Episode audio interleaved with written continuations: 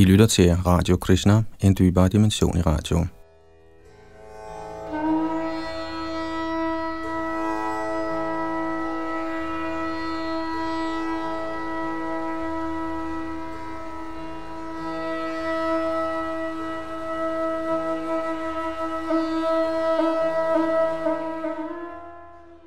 I Shrimad Bhagavatams 11. bog er vi i gang med tredje kapitel. Sidste gang afsluttede vi tekst 43 med tilhørende kommentar, og fortsætter i dag ved tekst 44. Og det er Yadunandan, der er bag teknik og mikrofon.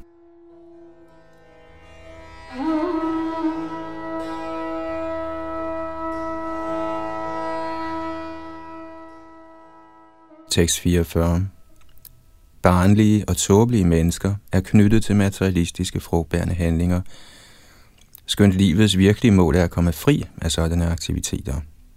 Derfor fører de vediske påbud en indirekte mod vejen af endelig befrielse ved først at foreskrive frugtbærende religiøse aktiviteter, ligesom en far lover sit barns slik, så barnet kan tage sin medicin. Kommentar Som udtalt i Bhagavad Gita, Traigunya Vishaya Veda Nishtraigunya Bhavarjuna. Vedderne tilbyder til synlædende frugtbærende resultater inden for naturens tre kvaliteter.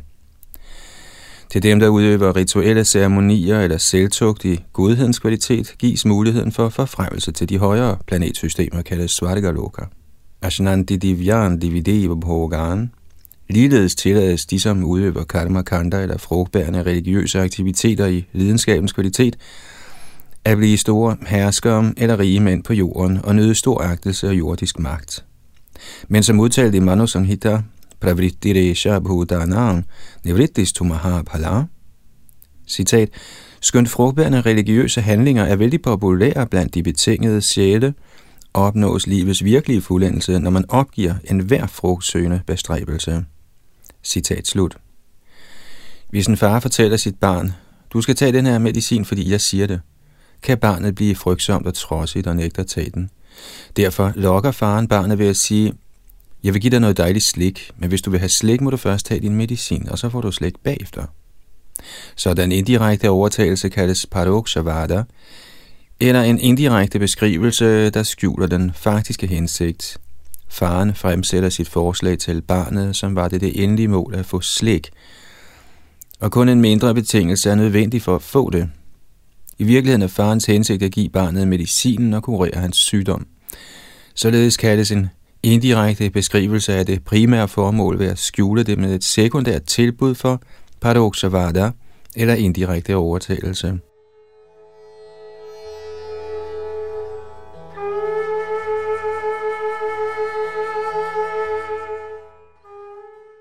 Siden det overvejende flertal af betingede sjæle er forfaldne til sansenydelse, pravrittiresha bhutanam, tilbyder de vediske karmakanda ritualer dem en chance for at komme fri af midlertidig sansenydelse ved at gøre dem grådige efter frugtbærende vediske resultater, såsom forfremmelse til himlen eller en mægtig stilling som hersker på jorden.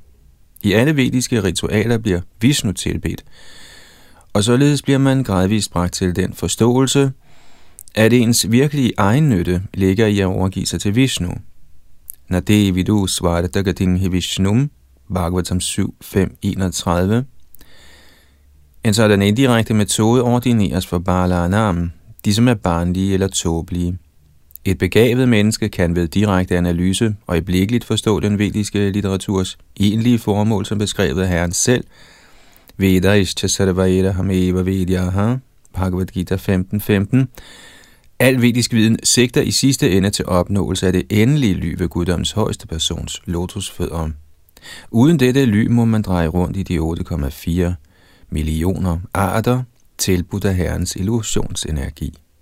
Almindelig fysisk syn enten ved grov sanseopfattelse eller subtil opfattelse i form af rationel følgeslutning tilvejebringer altid mangelfuld viden, fordrejet af ønsket om illusorisk materiel nydelse – Shrila Bhaktisiddhanta Saraswati Thakur kommenterer, at kultiveringen af upersonlig selverkendelse også er en forstyrrelse for de betingede sjæle, da den upersonlige spekulationsmetode er et kunstigt forsøg på at blive helt formløs. En sådan bestræbelse stemmer slet ikke overens med Vedernes korrekte dom, der beskrives i Bhagavad Gita. Veda is hameva vidyaha. Bhagavad Gita 15.15. 15.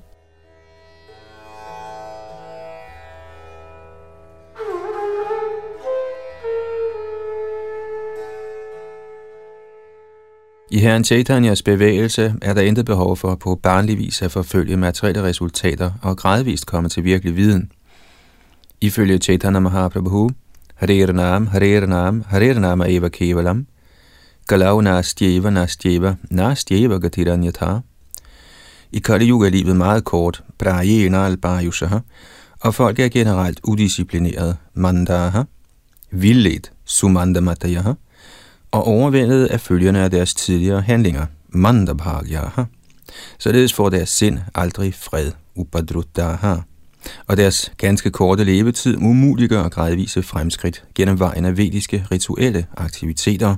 Derfor er det eneste håb at lovprise Herrens hellige navne, Hare I Shrimad Bhagavatam 12, 3, 51 siges det, Kaler dosha nidhirajan, Astihi go mahan gunaha, kirtanadeva krishnasya, mukta sangha parangvrajet. Kali er et ocean af hyggeleri og besmittelse. I Kali er alle naturlige elementer forurenet, såsom vand, jord, luft, sind, intelligens og ego. Det eneste gunstige aspekt af denne faldende tidsalder er metoden af at lovprise Herrens hellige navne. Asti ego mahan gunaha, Ganske enkelt gennem metoden af Krishna Kirtan bliver man befriet fra sin forbindelse til denne faldende tidsalder, Mukta Sangha, og vender hjem tilbage til guddommen, Parang Brajet. Under tiden benytter sig Krishna-bevægelsens forkyndere også af Paroksha, eller den indirekte overtagelsesmetode, og tilbyder et dejligt transcendentalt stykke konfekt for at friste den betænkede sjæl til at komme til Herrens lotusfødder. Chaitanya Mahaprabhus bevægelse er Gevala Ananda Kanda, helt igennem lyksalig. Men ved Chaitanya Mahaprabhus nåde opnår selv den, som er indirekte tiltrukket af Krishna-bevægelsen, hurtigt livets fuldendelse og vender hjem tilbage til guddommen.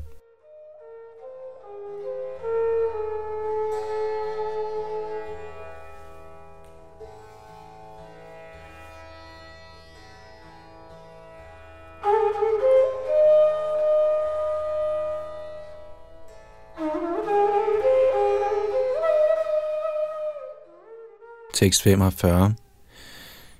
Hvis en uvidende person, der ikke har kudet de fysiske sanser, ikke overholder de vediske bud, vil han helt sikkert begå syndige og irreligiøse handlinger. Således bliver hans belønning gentagen fødsel og død. Kommentar.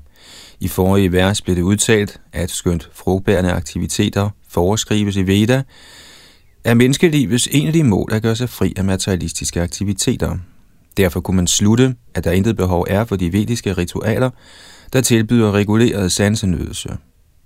Men en uvidende person, eller med andre ord en, som ikke har forstået, at han ikke er den fysiske krop, men en evig åndelig sjæl, del og ejer af Krishna, kan umuligt styre sansernes drifter. Derfor, hvis en således materielt tilbøjelig person lader hånd om de vediske bud, der regulerer sansenydelse, vil han helt sikkert forfalde til ureguleret sansetilfredsstillelse i papa eller syndigt liv. De, som for eksempel er underlagt sexlyst, pålægges vivaha yagya eller den religiøse ægteskabsceremoni. Vi ser under tiden, at den såkaldte brahmachari, eller vedisk studerende, grundet falsk stolthed afviser ægteskab som maya eller materiel illusion – men hvis en sådan studerende i sølibat er ude af stand til at styre sine sanser, vil han uværligt fornedre sig selv og til sidst begå utilladt sex, der intet har at gøre med vedisk kultur. Ligeledes opmuntres en nybegynder i Krishna-bevidsthed til at spise sig mæt i Krishna Prasad. Af til ser man en umoden udøver af Bhakti Yoga gøre et nummer ud af strenge spisevaner, hvorved han til sidst forfalder til at spise uregulerede og afskyelige ting.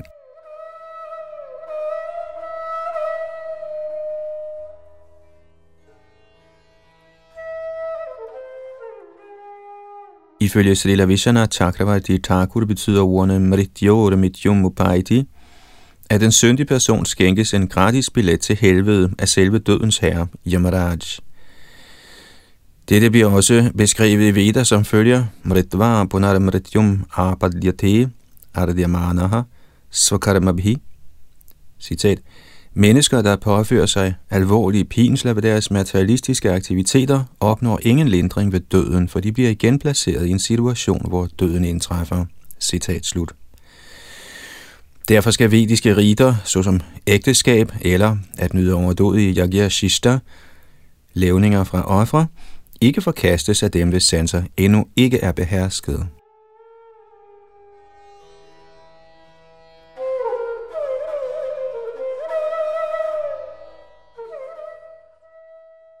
Forrige vers gav eksemplet med faren, der lover sit barns slik for at få ham til at tage medicin. Afviser barnet farens tilbud med den tanke, at slik ikke er nødvendigt, går barnet også glip af medicinen, der vil kurere ham. Hvis en materialistisk person afviser de vediske påbud, der ordinerer foreskreven sansenydelse, bliver han ikke renset, men snarere yderligere fornedret. Srila Jiv Goswami har beskrevet en materialistisk person som egentlig sind og intelligens ikke er tillidsfuldt fæstnet på guddommens højeste persons budskab. I Bhagavad Gita giver Shri Bhagavan, Herren Shri Krishna, vidunderlige forklaringer til de betingede sjæle, repræsenteret af Arjuna, angående livets virkelige mål. Den, som ikke kan fæstne sit sind på disse belæringer, skal betragtes som en materialistisk person, tilbøjelig til syndige handlinger, og derfor må han underkaste sig vediske standard påbud.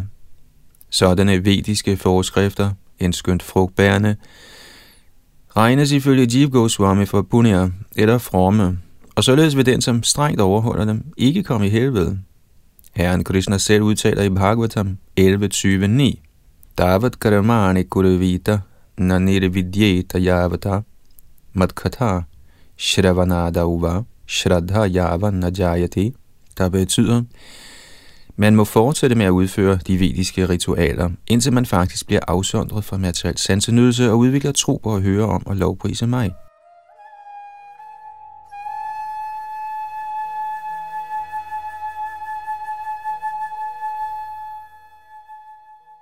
Shrita Vishwanath Chakravarti Thakur forklarer, at vedderne foreskriver, at man står tidligt op om morgenen, tager bad og fremsiger Gayatri Forkaster man kunstigt et sådan disciplineret, reguleret liv, bliver man gradvist offer for grov sansenydelse, såsom at spise i restauranter og pleje ulovlig omgang med kvinder.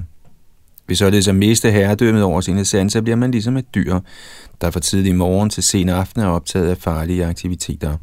Shrita Madhvacharya har i den forbindelse kommenteret, Agyasana Charanapi, selvom man er i uvidenhed, vedbliver man med at handle uden at indse de fremtidige følger af ens gerninger. Sådan ligegyldighed over for de fremtidige følger af ens aktiviteter bliver i Bhagavad Gita beskrevet som symptom på uvidenhedens kvalitet.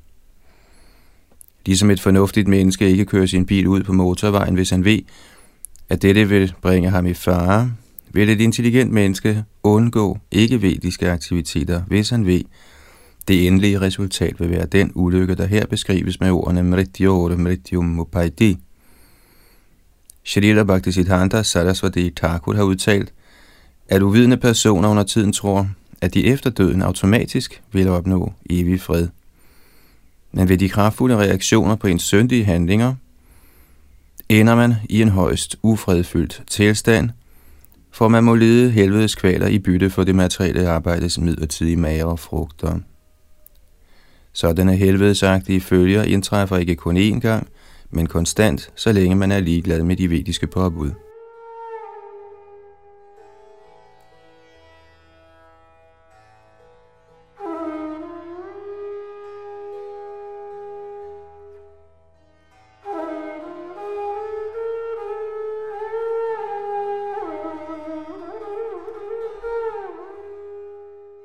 Tekst 46 ved uden tilknytning at overholde de regulerede aktiviteter foreskrevet i Veda, og tilbyde den højeste herre resultatet af sådan arbejde, opnår man fuldendelsen af frihed for det materielle arbejdes trældom. De materielle frugtbærende resultater, de åbenbare skrifter tilbyder, er ikke det virkelige mål med vedisk viden, men er tiltænkt at vække udøverens interesse. Kommentar Menneskelivet er en mulighed, tilbudt den betingede sjæl af naturens lov – for at han kan forstå sit evige forhold til guddommens højeste person. Desværre forbliver de fleste levende væsener, selv i menneskeformen, forfaldende til at forbedre standarden af dyrisk adfærd, nemlig at spise, sove, forsvare sig og parre sig. Ikke ret mange interesserer sig for livets virkelige succes, Krishna-bevidsthed. Shrotavyadini Rajendra Rinang Shanti Sahasrashaha apashyatam atmatatvam Griheshu Grihamedhinam Citat de, som er materielt fordybet og således blinde over for kundskab om den endelige sandhed, har mange emner at lytte til i menneskesamfundet. O kejser, citat slut, Bhagavatam 2, 1-2. Det siges, Paramakaruniko Vedaha, Vedisk viden er i højeste grad barmhjertig. Fordi den beskæftiger de dyriske mennesker med en gradvis renselsesproces, der ender i fuld bevidsthed om Herren Krishna, guddommens højeste person – dette bliver bekræftet af Herren selv i Bhagavad Gita, Vidaishcha Sarvairaham Eva Vidyaha 15.15. Flertallet af mennesker er ude af stand til lige pludselig at opgive materiel sansenydelse, skønt de ud fra den vediske litteratur kan forstå, at sådan sansenydelse har en skadelig eftervirkning. Vi har i de vestlige lande praktisk erfaret, at regeringen fortalte befolkningen, at rygning er kræftfremkaldende, hvor de fleste er ude af stand til at holde op med at ryge. Derfor foreskriver den vediske litteratur en gradvis renselsesproces, i hvilken den betingede sjæl lærer at tilbyde den højeste herre resultaterne af sine materielle aktiviteter, hvorved disse aktiviteter således åndeliggøres. Materiel sansenydelse baserer sig på to organer, nemlig tungen til at smage og kønsorganerne til sex. Ved at tilbyde Krishnas gudeskikkelse velsmagende mad og bagefter nyde levningerne som Krishna Prasad, og ved at acceptere regler og forskrifter for vedisk familieliv og afle Krishna-bevidste børn, kan man gradvist bringe alle materielle aktiviteter til platformen af ren hengiven tjeneste. Ved at tilbyde den højeste her frugten af ens almindelige aktiviteter, forstår man gradvist, at Herren selv og ikke materiel sansenydelse er livets virkelige mål. Herren Krishna advarer i Bhagavad Gita, at hvis folk alt for tidligt bliver opmuntret til at opgive familielivet eller de overdådige levninger af Herrens prasad, vil sådan kunstig forsagelse have den modsatte virkning.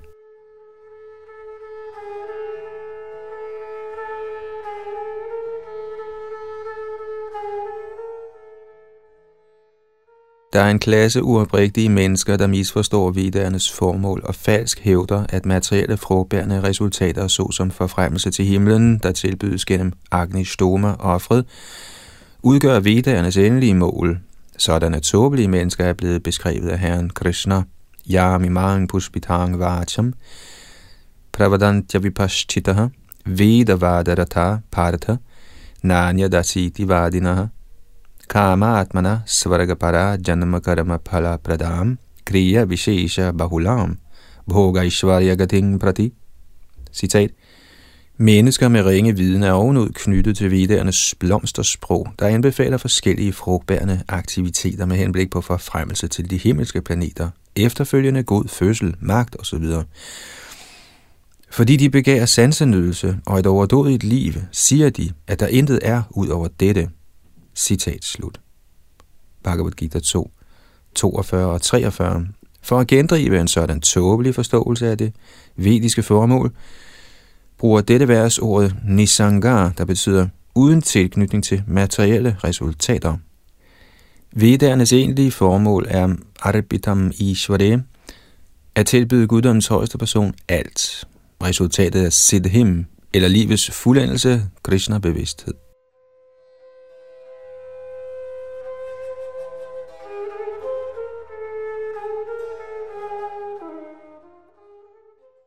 Ordene Rochanarata Palashruti peger tydeligt på, at de frugtbærende resultater udlovet i den vediske litteratur skal stimulere et materialistisk menneske til at have tro på de vediske bud. Det eksempel gives, at et barn kan tilbydes sukkerovertrukken medicin. Barnet bliver ivrig efter at tage medicinen på grund af sukkerovertrækket, hvorimod en voksen er ivrig efter selve medicinen, velvidende, at medicinen er til hans gavn. Den modne platform af vedisk forståelse bliver nævnt i Brihadaranyaka Upanishad 4.4.22.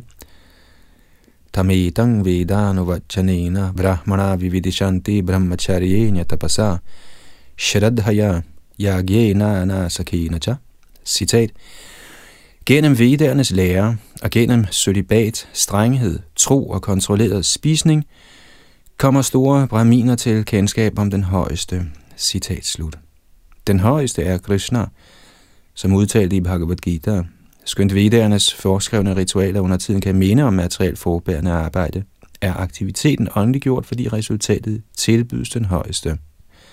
Sukkerovertrukken medicin og almindeligt slik kan forekomme eller smage ens, men sukkerovertrukken medicin har en terapeutisk effekt, man ikke finder i konventionelt slik.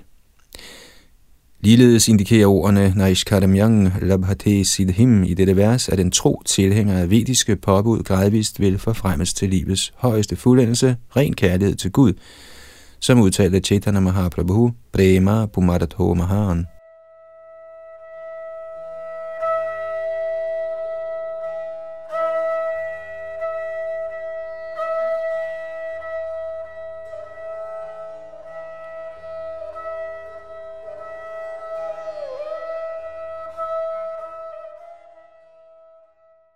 Tekst 47. Den, som hurtigt ønsker at overskære knuden af falsk ego, der binder den åndelige sjæl, skal tilbyde den højeste herre Keshav i overensstemmelse med de forskrifter, man finder i vedisk litteratur, såsom tantraerne. Kommentar. Den vediske litteratur indeholder mystiske beskrivelser af den absolute sandhed, der stimulerer til filosofisk spekulation. Vedderne tilbyder også himmelske belønninger for udførelse af rituelle ceremonier, men som udtalt i vers 44 i dette kapitel, er sådanne afsnit i viderne Balanam, Anushasanam. Det vil sige, at fordi mindre begavede eller barnlige mennesker er forfaldne til mental spekulation og frugtbærende handlinger, er disse afsnit i Vedderne beregnet på at tiltrække sådanne personer til de vediske forskrifters ly, med henblik på gradvis forfremmelse til det fuldendte niveau af kristnebevidsthed. bevidsthed. Nu hvor vejen for dem, der er materialistiske, er beskrevet i forskellige vers, beskriver dette vers metoden for dem, der er vigya, eller lærte transcendentalister. Sådanne lærte transcendentalister rådes til at følge den regulerede tilbedelse, der beskrives i Vaishnav Tantra, såsom Shri Narad Pancharatra, med henblik på direkte tilfredsstillelse af den højeste herre. Ordene Upachared, Devang, Tantroktena, Chakeshavam peger på, at man direkte skal tilbede Keshav, guddommens højeste person, der viser sig i mange forskellige inkarnationer for at glæde sine hengivne. Shri Rajaya Dev Goswami har beskrevet herrens tidsfordriv i sin sang om guddommens højeste person, Keshavs 10 fremtrædende inkarnationer. Herren Fisk, Herren Skildpadde, Herren Vildsvin, Herren Nrasinghadev, Herren Vaman, Herren Parashuram, Herren Ramchandra, Herren Balaram, Herren Buddha og Herren Kalki. Ordene Upacharya Devam peger på hengiven tjeneste til guddommens person. Og derfor skal ordet Tandroktena, eller forskrifter i tantraerne, forstås i betydningen Vaishnav Tantra, såsom Shri Narad Pancharatra, der giver udførlige og detaljerede instruktioner angående tilbedelse af Keshav. Vedderne omtales med udtrykket nigama, og den udførlige forklaring på disse nigamaer kaldes agama eller tantra. Når det transcendentale levende væsen bliver forstyrret af den materielle dualitets ubehagelige smerter, bliver han ivrig efter at høre fra vedderne om sin transcendentale stilling. Ordet ashu i dette vers betyder, at de, som er ivrige efter hurtigt at gøre en ende på den materielle tilværelse og placere sig selv i det evigt lyksalige liv af perfekt viden, direkte skal tilbede Herren Krishna og således gå udenom de indledende vediske ritualer beskrevet i de forrige vers.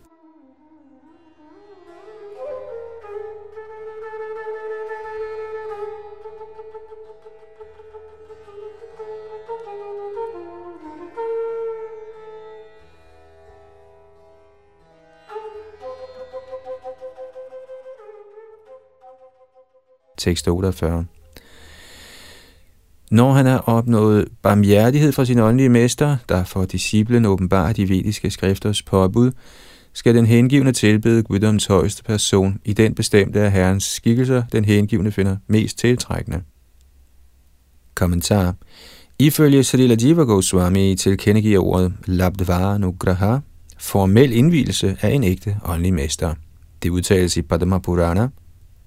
Shatkarma Nipuno Vipro Mantra Tantra Visharadaha Avaishnavo Gururna Syad Vaishnava Shvapacho En ægte åndelig mester må være en sjæl, der er overgivet til Herrens lotusfødder. I Brahma Purana udtales det Bodha Kalositas Tena Daurat Myang Prakati Kratam Gururyena Parityaktas Tena Tyakta Pura Harihi.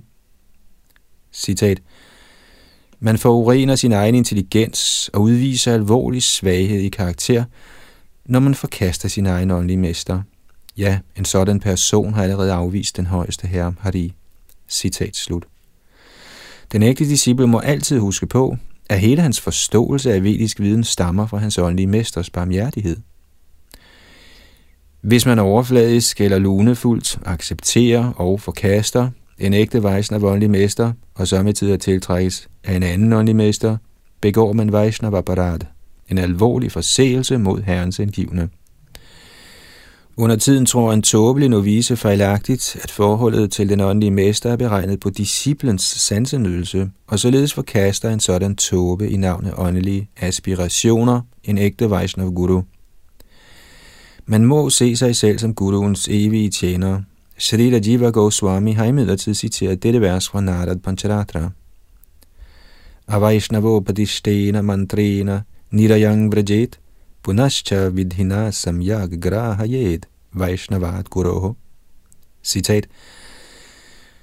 Den, som er blevet indvidet i et mantra af en ikke-Vaishnav, må komme i helvede. Derfor skal man igen lade sig indvige ordentligt i overensstemmelse med den foreskrevne metode af en Vaishnav-guru. Citat slut.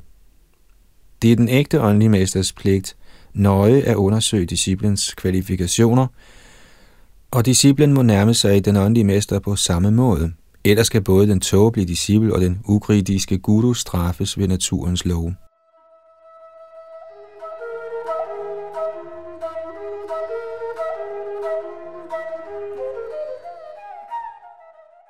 Man skal ikke kunstigt forsøge at tilegne sig alle de tilsyneladende modsigende grene af vedisk viden. Vidaishcha sarvaira hameva vidyaha, Bhagavad Gita 15.15. 15.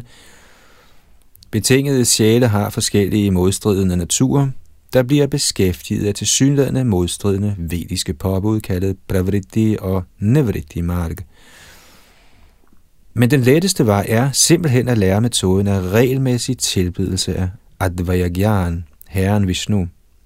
Alle halvguder, der omtales i vedderne, er udstyret til den højeste herre, Vishnus tjeneste. Alt, hvad der ender er til i den synlige verden, er også beregnet på brug i herrens tjeneste. Ellers har det ingen værdi. Hvis man kunstigt forsager fysiske genstande, der kan bruges i den højeste herres tjeneste, mister man sin åndelige evne til at se alting som beregnet på Krishnas glæde, og tvinges således til at tænke på fysiske ting som tiltænkt hans egen sansenydelse. Med andre ord skal materielle ting accepteres eller forkastes, alt efter den højeste herres glæde. Ellers falder man ned fra den rene hengivne tjenestes standard, som udtalt i dette vers, Labdvara Nugraha Acharyat, sådan skældnævne kan læres, når man modtager barmhjertigheden fra en ægte åndelig mester, der for den oprigtige disciple åbenbart den praktiske anvendelse af vedisk kundskab.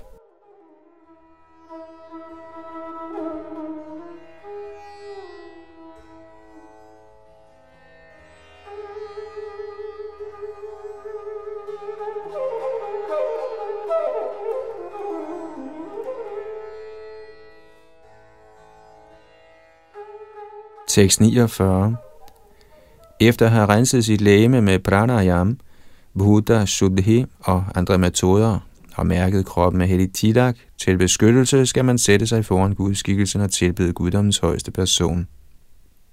Kommentar. Pranayam er den autoriserede vediske metode til kontrol af luften i kroppen.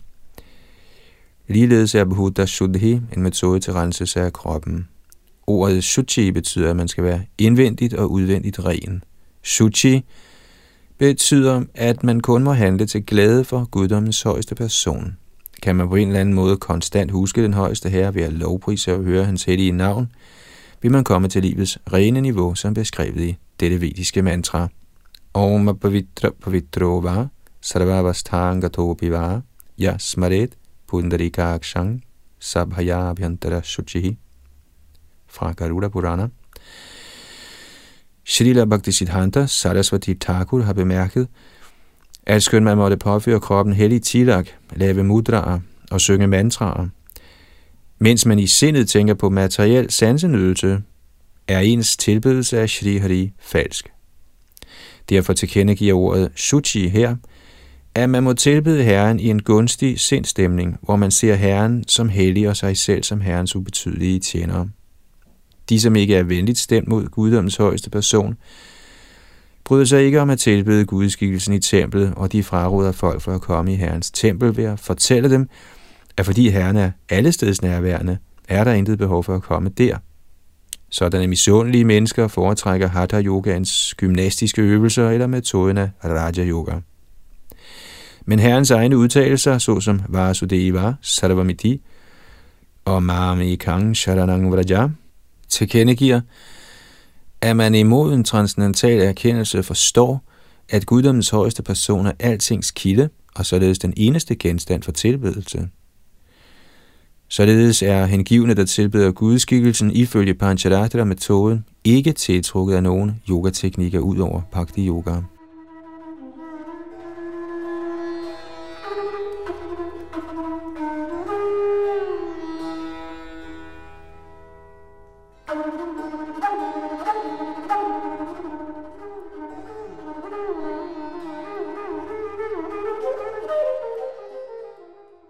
Tekst 50 og 51.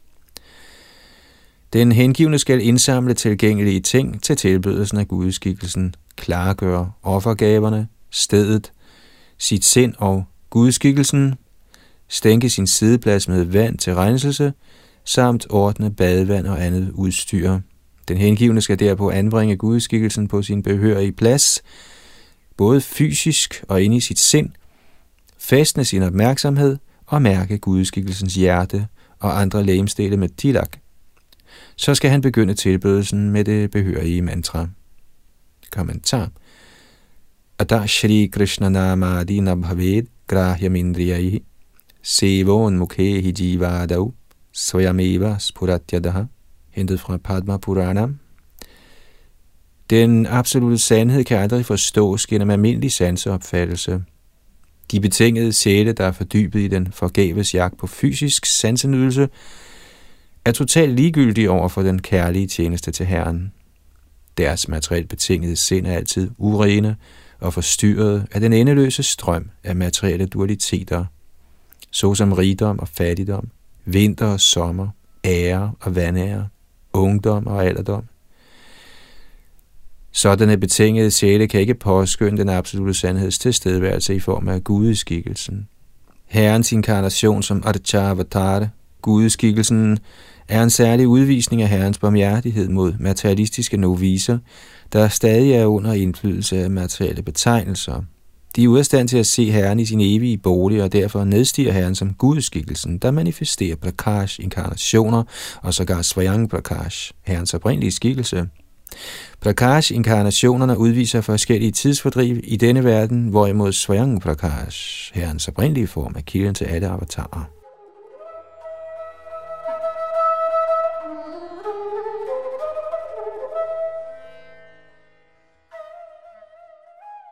For den, som oprigtigt tilbeder gudskikkelsen, viser gudskikkelsen sig som guddommens højeste person.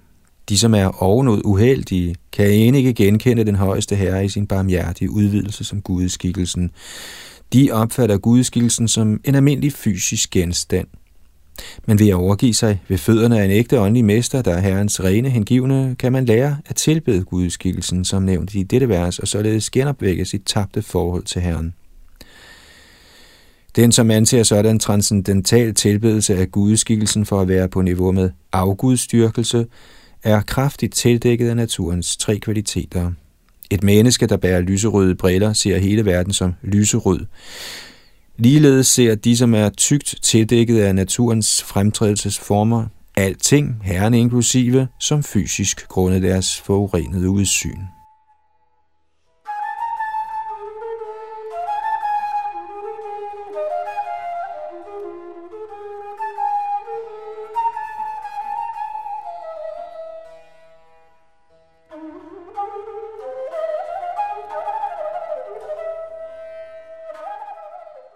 Tekst 52 og 53. Man skal tilbede gudskikkelsen sammen med hvert af lemmerne på hans transcendentale lægeme, hans våben, såsom Sudarshan Chakra, hans andre lægemstræk og hans personlige omgangsfælder. Man skal tilbede hver af disse herrens transcendentale aspekter med dets behørige mantra og med offergaver af vand til at vaske fødderne, parfumeret vand, vand til at skylle munden, vand til badning, fint tøj og smykker, duftende olier, værdifulde halsbånd, hele bykorn, blomsterkranse, røgelse og lamper. Efter således at have fuldført et hvert aspekt af tilbedelsen efter forskrifterne, skal man ære Herren Haris gudskikkelse med bønder og vise ham erbødighed ved at bøje sig ned.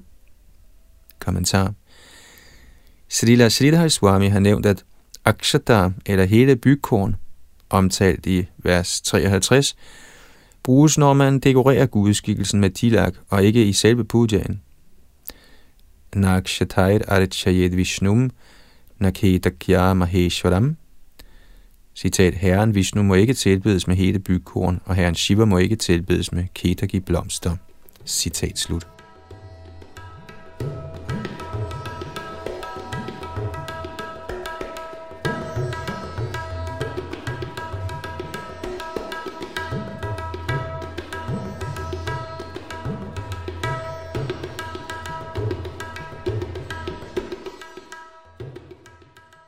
Tekst 54.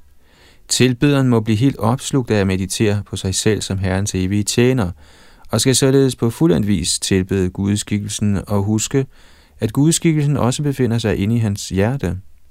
Så skal han tage levningerne af gudskikkelsens udstyr, såsom blomsterkranse på sit hoved, og er bødet sætte gudskikkelsen tilbage på sin egen plads og således afslutte tilbedelsen. Kommentar Ordet tanmayam i dette vers er vigtigt. Den, som er blevet renset ved tilbedelse af Herrens gudskikkelse, kan forstå, at han, altså tilbederen, er Herrens evige tjener og kvalitativt et med Herren, i det han er en ubetydelig gnist af den oprindelige ild, guddommens person.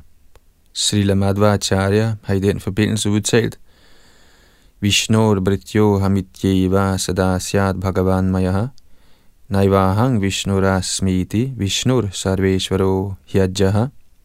Citat. Man skal tænke, jeg er Vishnus evige tjener, og derfor, da jeg er hans evige del og eje, er jeg for evigt et med ham, men jeg er ikke Vishnu selv, fordi Vishnu er altings højeste hersker. Citat slut. Det grundlæggende princip i tilbedelse af gudskikkelsen er, at man må forstå sig selv som Herrens evige tjener – den, som er forfalden til seksuel tilfredsstillelse i tåbelig identifikation med den ydre fysiske krop, kan ikke ændre opfattelsen af sig selv som nyder til at være den nytte. En sådan person tolker ordet tanmayam som betydende, at tilbyderen selv også er den tilbydelsesværdige genstand. Shri Jiv Goswami Prabhupada har i sin Durga Sangamani, sin kommentar til Shri Rupa Goswami Prabhus Bhakti Samrita Sindhu skrevet, at Hangraho Pasana, eller metoden, hvor man tilbeder sig selv som den højeste, er en grov fejlidentifikation af selvet med den højeste, der i virkeligheden er ens evige ly. De seks Goswamier har gentagende gange tydeliggjort denne pointe, men ubegavede personer inden for Prakrita Sahaja samfundet påvirkes af Mayavadi-filosofernes forlorene idéer, og giver således udtryk for den vildledte misforståelse, at tilbederen bliver det højeste ly. En sådan hallucination er en apparat, en forseelse mod Herren. Derfor skal ordet Tanmaya i dette vers ikke på fornærmelig vis tolkes således, at tilbederen bliver ligestillet med sin evige tilbedelsesværdige genstand.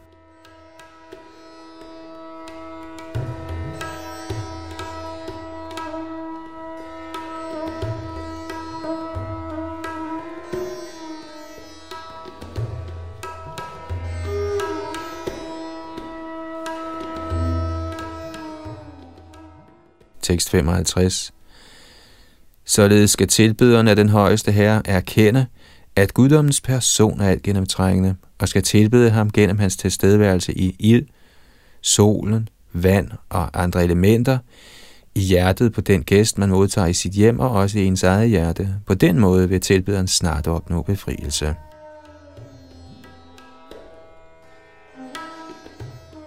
Således ender kommentarerne fra hans guddommelige nåde, A.C. Bhaktivedanta Swami Prabhupads ydmyge tjenere, til Srimad Bhagavatams 11. bogs 3. kapitel med titlen Befrielse fra den illusoriske energi.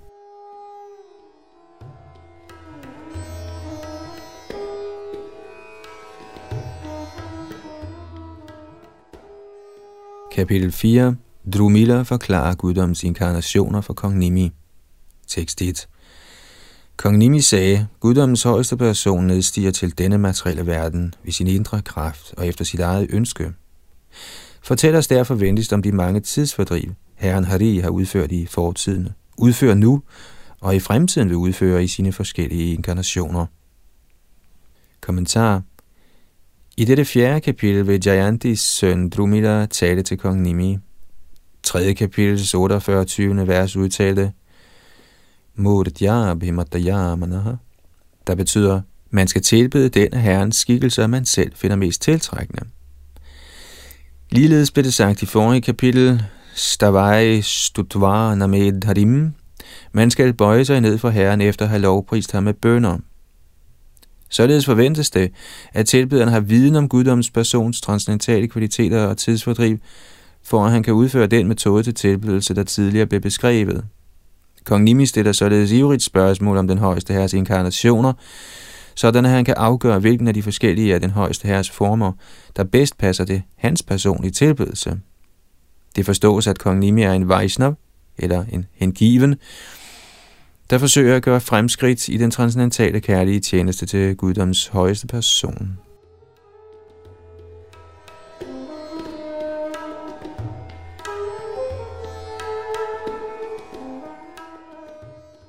Det er i den forbindelse vigtigt at notere sig, at ordet abhimadamurti, der betyder ens mest yndede skikkelse, ikke henviser til, at man kan opdægte en form af herren efter sine egne luner. Advaitamajudamanadi manandarupam Brahma Samhita 5, 33. Alle herrens skikkelser er anadim, eller evige. Det kan således ikke komme på tale at opdægte en form, da en sådan opdigtning ville være adim, eller begyndelsen på den opdigtede form. Abhimadamurti betyder, at man blandt herrens evige former skal vælge den, der mest inspirerer ens kærlighed til guddommens højeste person. Sådan kærlighed kan ikke efterlignes, men opstår automatisk, når man overholder de foreskrevne regler og påbud, den åndelige mester har givet, og underdanigt hører disse Srimad Bhagavatams beskrivelser.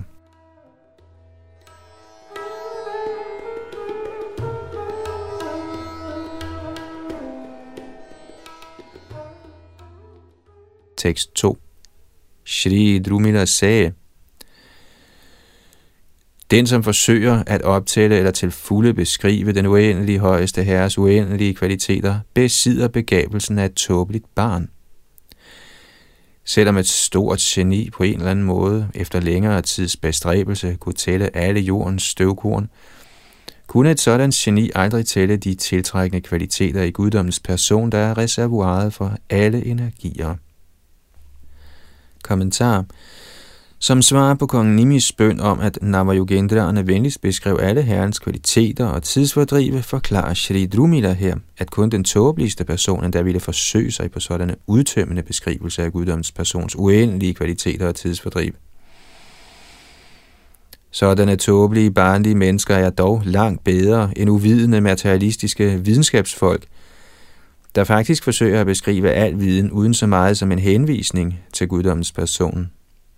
Med andre ord, skønt det er umuligt til fulde at beskrive Herren, forsøger fjollede ateistiske videnskabsmænd at beskrive al kundskab, uden sågar at have nået til den mest grundlæggende viden om guddommens person. Sådanne ateister skal opfattes som kortsigtede og af meget svag begavelse, uanset deres pralende materialistiske bedrifter, der til slut ender i stor lidelse og udslettelse. Man siger, at selve herren Anandadev med sine utallige tunger end ikke er i stand til udtømmende at ytre guddoms højeste persons herligheder. Eksemplet i dette vers er vældig fint. Intet menneske kan gøre sig håb om at opregne alle partikler på jordens overflade. Derfor bør ingen på tåbelig vis forsøge at forstå den højeste herre ved sin egen ubetydelige anstrengelse. Man må underdanigt høre viden om Gud, som den tales af Gud selv i Bhagavad Gita, og således skal man gradvis hæves til niveauet af at høre Srimad Bhagavatam. Ifølge Chaitanya Mahaprabhu kan man ved at smage en dråbe havvand få en generel idé om hele havets smag.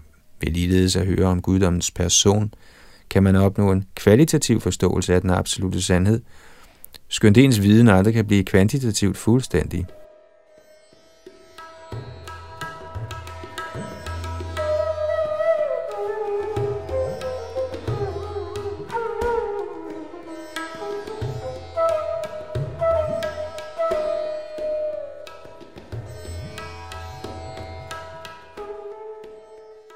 Tekst 3 Når den oprindelige herre, Narayan, skabte sin kosmiske krop ud af de fem elementer, frembragt af ham selv, og derpå indtrådte i dette universelle læme gennem sin egen fuldstændige del, blev han således kendt som Purush. Kommentar Ordene Bhudai Panchabhi i dette vers henviser til de fem grove elementer, jord, vand, ild, luft og rum, der danner den fysiske verdens grundlæggende byggesten. Når det betingede levende væsen træder ind i disse fem elementer, kommer bevidsthed til syne til lige med sindets og intelligensens funktioner. Desværre er bevidstheden, når den viser sig under naturens kvaliteter, styret af ahankar, falsk ego, under hvilket det levende væsen fejlagtigt ser sig selv som nyder af de materielle elementer. Skønt guddommens højeste person, Purushottam, nyder sin rene transcendentale tilværelse i den åndelige himmel, er de materielle elementer også tiltænkt hans nydelse gennem metoden af yagya eller ofre. Denne fysiske verden kaldes David Ham eller boligen for herrens illusionskraft, Maya Devi. Brahma Samhita forklarer, at den højeste person slet ikke er tiltrukket af sin lavere energi Maya, men når den materielle skabelse bruges i herrens hengivende tjeneste, bliver Herren tiltrukket af de levende væseners hengivenhed og ofre, og således er han også indirekte den fysiske verdens nyder. Vi må ikke tro, at Herren Narayans tidsfordriv som universets oversæler skaber befinder sig på et lavere åndeligt niveau end Narayans evige tidsfordriv i den åndelige verden. Skulle herren Narayan på nogen som helst måde formindske sin transcendentale lyksalighed og viden i sine aktiviteter i den materielle skabelse, måtte han betragtes som en betinget sjæl, der påvirkes ved kontakt med illusionskraften. Men siden herre Narayana for evigt er hævet over Majas indflydelse, er hans aktiviteter som universets oversjæl nøjagtigt på samme transcendentale niveau som hans aktiviteter i den åndelige verden. Alle guddoms højeste persons aktiviteter er del af hans uendelige åndelige tidsfordriv.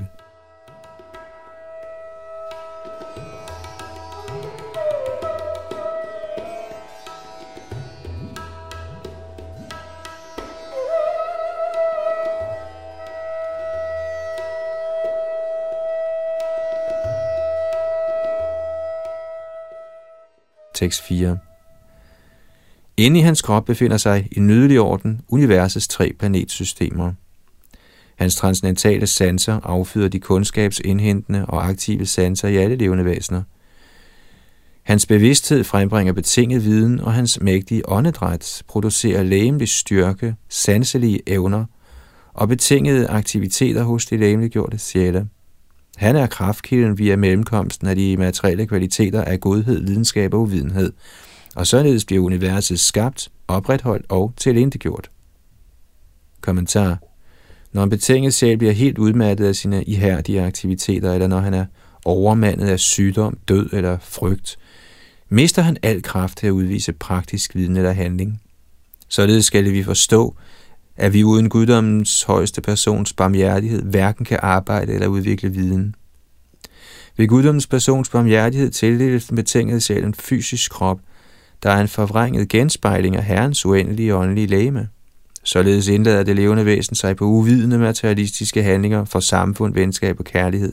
Men hele dette program fordufter med et, med den uforudsete opløsning af den fysiske krop – Ligeledes er vores materielle viden altid genstand for at blive ugyldig på et øjeblik, siden selve den materielle natur altid forandrer sig. Guddommens højeste person er primus motor bag universets fødsel, opretholdelse og udslettelse. Og det levende væsen skal forsøge at forstå den person i guddommen, der har givet ham så meget en mulighed for illusion. Guddommens person ønsker faktisk, at de betingede sjæle overgiver sig til ham og genvinder et evigt liv af lyksalighed og kundskab ved Herrens side. Den betingede sjæl må resonere. Hvis Herren giver mig så stor hjælp til at synke ned i uvidenhed, vil han helt sikkert yde langt mere hjælp til at komme ud af denne uvidenhed, hvis jeg ydmygt følger hans anvisninger uden tåbelige spekulationer. Dette vers beskriver Gardabahodak Shai Vishnu, den anden fase af Herrens Purush inkarnationer. Denne Garbhodak Shai Vishnu, der forhærliges i Purusha Sukta bønderne, udvider sig som oversælen for at indtræde i alle levende væseners hjerter. Gennem sangen af Herrens hellige navne, Hare Krishna, Hare Krishna, Krishna Krishna, Hare Hare, Hare Rama, Hare Rama, Rama Rama, Hare Hare, kan man selv i denne elendige tidsalder finde den højeste herre inde i sit hjerte. Herren er en person, lige så meget som vi er det, men han er uendelig. Dog eksisterer der et kærligt forhold mellem det ubetydelige levende væsen og den uendelige højeste herre. I betragtning af dette personlige forhold er Bhakti Yoga den eneste behørige metode til forståelse af vores naturlige stilling som den højeste herres evige tjenere.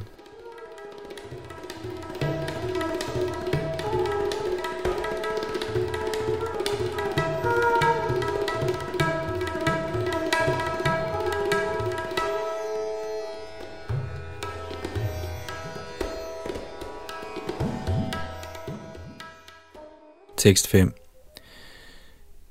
den oprindelige højeste person manifesterede i begyndelsen Brahmas form gennem lidenskabens materielle kvalitet for at skabe dette univers. Herren manifesterede sin form som Vishnu, herren over ofre og beskytter af de to gange fødte braminer og deres religiøse pligter for at opretholde universet. Og når universet skal tilindegøres, tager den samme højeste herre uvidenhedens materielle kvalitet i brug og manifesterer Rudras form. De skabte levende væsener er således altid underlagt skabelsens, opretholdelsens og udslettelsens kræfter. Kommentar i forrige vers blev guddommens højeste person beskrevet som Adi Kadadar, den oprindelige person, der er ansvarlig for den materielle verdens skabelse, opretholdelse og udslettelse. Ifølge Sridhara Swami underforstår Adi Kadadar, eller den første, der handlede, efterfølgende skabere, opretholdere og ødelæggere. Ellers ville ordet artig eller oprindelig ikke have nogen mening. Derfor beskriver dette vers, at den absolute sandhed udvider sig til gunavatarerne, eller inkarnationer, der står for skabelsen, opretholdelsen og udslettelsen af universet gennem de henholdsvise kvaliteter, lidenskab, godhed og uvidenhed. Det er af betydning her, at skønt verset omtaler skabelse gennem lidenskabens kvalitet og udslettelse gennem uvidenhedens kvalitet, nævnes der ikke noget om, at Vishnu opretholder gennem godhedens materielle kvalitet. Det er, fordi Vishnu er Vishuddha Sattva, på platformen af uendelig transcendental godhed. Skønt Shiva og Brahma i nogen grad er påvirket af deres foreskrevne pligter som den materielle naturs tilsynshavende, er Vishnu Vishuddha Sattva helt hinsides besmittelse endda af godhedens kvalitet som beskrevet i Vedaen, at der siger Garyang Karanang Chavidyate. Herren har ingen erhvervsmæssig pligt. Mens Shiva og Brahma forstås være herrens tjenere, er Vishnu fuldstændig transcendental. Ifølge Shalila Jiva Goswami forstås det, at Vishnu, der i dette vers bliver beskrevet som Kratupati, herren over ofre, åbenbarede sig i en tidligere tidsalder som inkarnationen Suyagya, Sønder Prajapati Ruchi, mens Brahma og Shiva trofast yder den højeste herre tjeneste, er Vishnu den højeste herre i egen person. Og derfor er hans aktiviteter med at opretholde brahminerne og de religiøse principper, som nævnt i dette vers, Dvijad Se Duhu, ikke er erhvervsmæssige pligter, men lila. Så udover at være en guna avatar, er Vishnu ifølge Srila Jiva Goswami også en lila avatar. Mahabharat Shanti Parva beskriver Brahmas fødsel fra den lotus blomst, der udspringer fra Vishnu, og efterfølgende herren Shivas fødsel fra Brahmas vrede øjne. Vishnu er imidlertid den selvmanifesterede person i guddommen, der indtræder i det fysiske univers ved sin egen indre kraft, som udtalt i Srimad Bhagavatam 3, 8, 15. Taloka padamang sa ueva Vishnu, pravivishat sarvaguna vabhasam. Herren Vishnu, guddommens højeste person, er slutteligt den højeste hersker, hvis personlige form er fuld af evig eksistens, kundskab og lyksalighed, som er uden begyndelse, men er begyndelsen på alt, som kendes som vinter, og som er alle årsagers oprindelige årsag, som udtalt i Brahma som Hitam. Dog viser denne samme herre sig som Brahma og Shiva i den forstand, at de oprindelige herskere, Brahma og Shiva, udviser herrens kraft og højeste vilje, skønt de ikke selv er de højeste.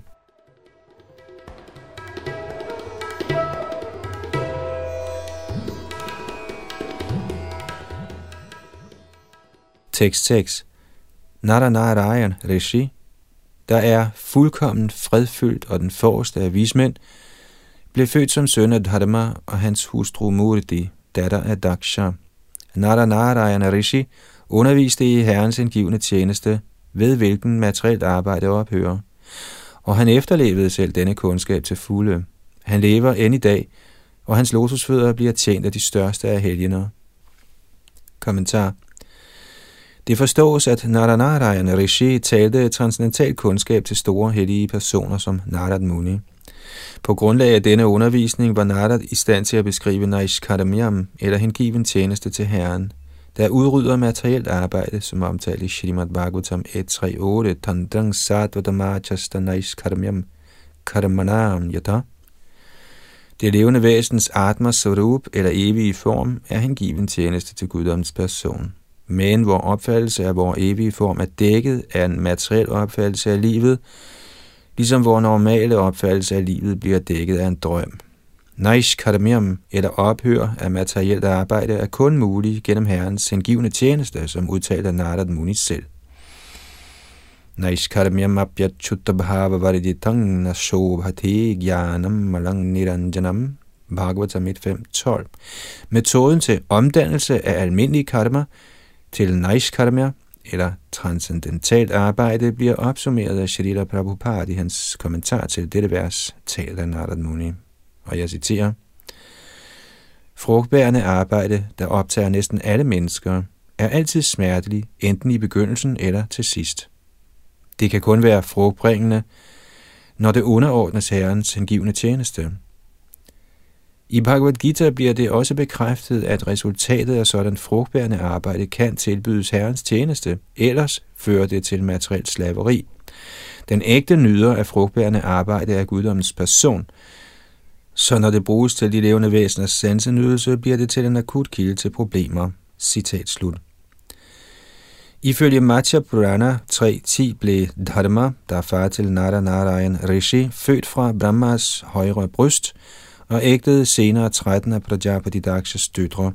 Herren selv åbenbarer sig fra Murti Devis liv.